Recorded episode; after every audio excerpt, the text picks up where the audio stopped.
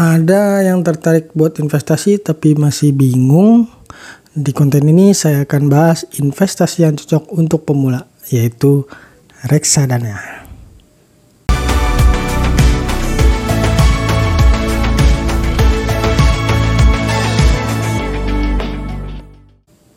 Halo, Haryo di sini. Ketemu lagi sama saya. Seperti biasa, saya akan membahas seputar investasi, pengelolaan keuangan, dan juga digital marketing atau bisnis yang tujuannya tentu aja supaya bisa bebas finansial. Kali ini saya akan bahas seputar uh, reksadana. Bicara tentang investasi, mungkin yang terbayang adalah hal-hal yang rumit dan cuma orang tertentu aja yang ngerti. Bahkan ada yang menganggap bahwa orang yang investasi hanyalah orang-orang kaya saja. Padahal untuk berinvestasi itu nggak harus orang kaya. Kalau dulu mungkin pendapat ini ada benarnya ya. Untuk bisa investasi saham aja kamu harus deposit minimal 5 juta rupiah agar kamu bisa menjadi nasabah di suatu broker. Sekarang ini sudah berbeda. Melalui berbagai aturan dan perkembangan teknologi, maka untuk berinvestasi tidak diperlukan modal yang besar kamu bisa memulainya dengan uang 100 ribu rupiah aja. Tapi memang untuk berinvestasi memerlukan pengetahuan khusus tentang investasi.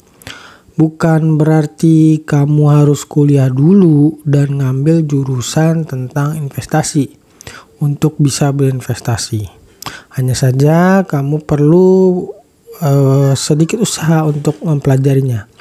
Misalnya investasi saham, kamu itu perlu mempelajari tentang chart, laporan keuangan, serta mengamati kondisi ekonomi dunia.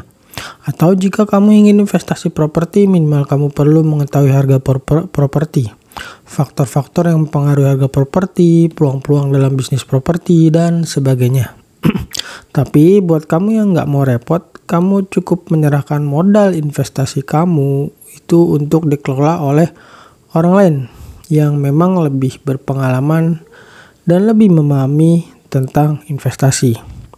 Hal yang harus diperhatikan adalah orang lain itu haruslah terdaftar dan berizin OJK.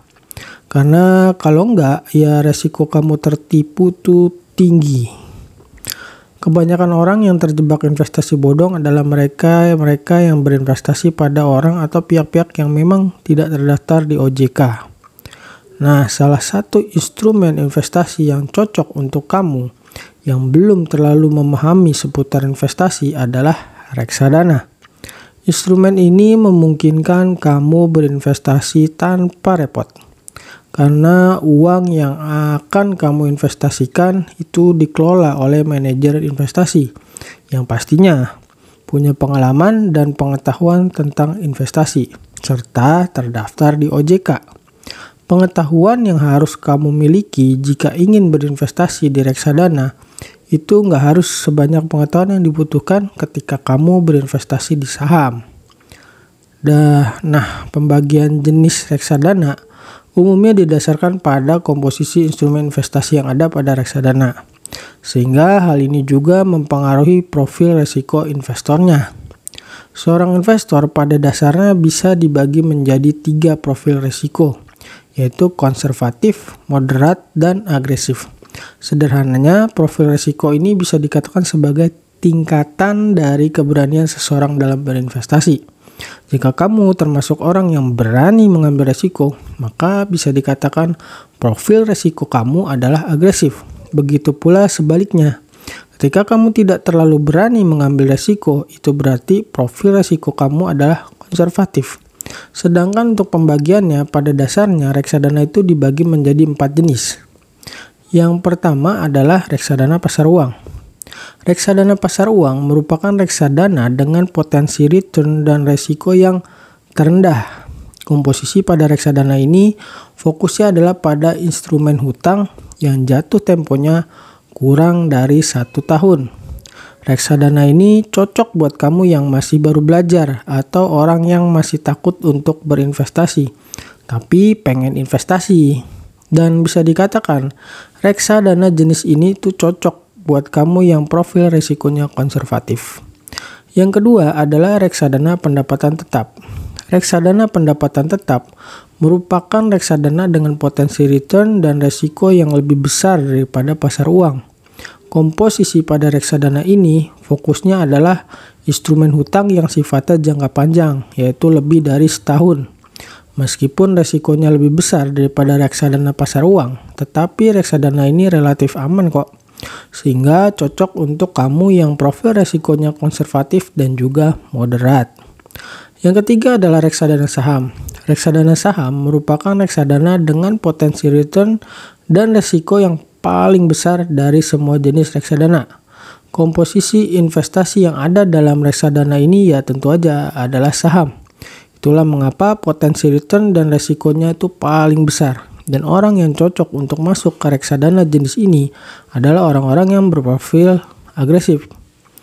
Yang keempat adalah reksadana campuran. Reksadana campuran merupakan reksadana yang komposisinya merupakan campuran antara saham dan obligasi sehingga potensi return dan resikonya bisa dikatakan ada di posisi tengah-tengah. Dan yang paling cocok untuk mengambil reksadana jenis ini adalah orang-orang yang memang berprofil risiko moderat.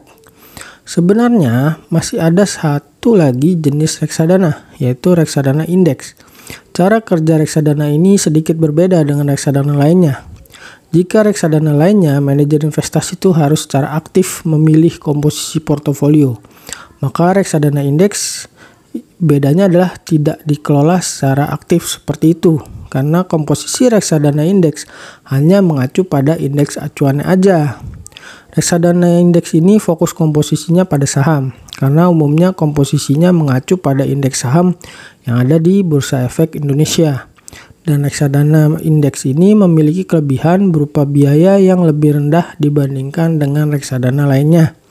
Karena sifat pengelolaannya yang bersifat pasif. Lalu bagaimana cara memilih reksadana yang tepat?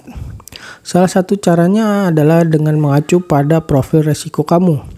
Jika profil resiko kamu adalah konservatif, kamu bisa memilih reksadana pasar uang. Jika profil resiko kamu moderat, maka kamu bisa memilih reksadana pendapatan tetap atau reksadana campuran. Sedangkan jika profil resiko kamu agresif, kamu bisa memilih reksadana campuran dan saham. Itulah sedikit sharing saya tentang reksadana. Investasi reksadana ini tepat untuk kamu yang nggak mau repot investasi karena nggak perlu melakukan invest, eh, apa, analisa yang terlalu mendalam. Dan dengan memilih reksadana sebagai investasi bisa diibaratkan kamu punya asisten dalam mengelola portofolio investasi kamu. Hal yang bagus kamu pahami adalah hal yang harus maaf hal yang harus kamu pahami adalah Meskipun reksadana itu cocok untuk pemula, namun tetap saja memiliki potensi resikonya sendiri. Kamu tetap harus menganalisa reksadana yang akan kamu pilih, meskipun tidak perlu melakukan analisa yang terlalu dalam.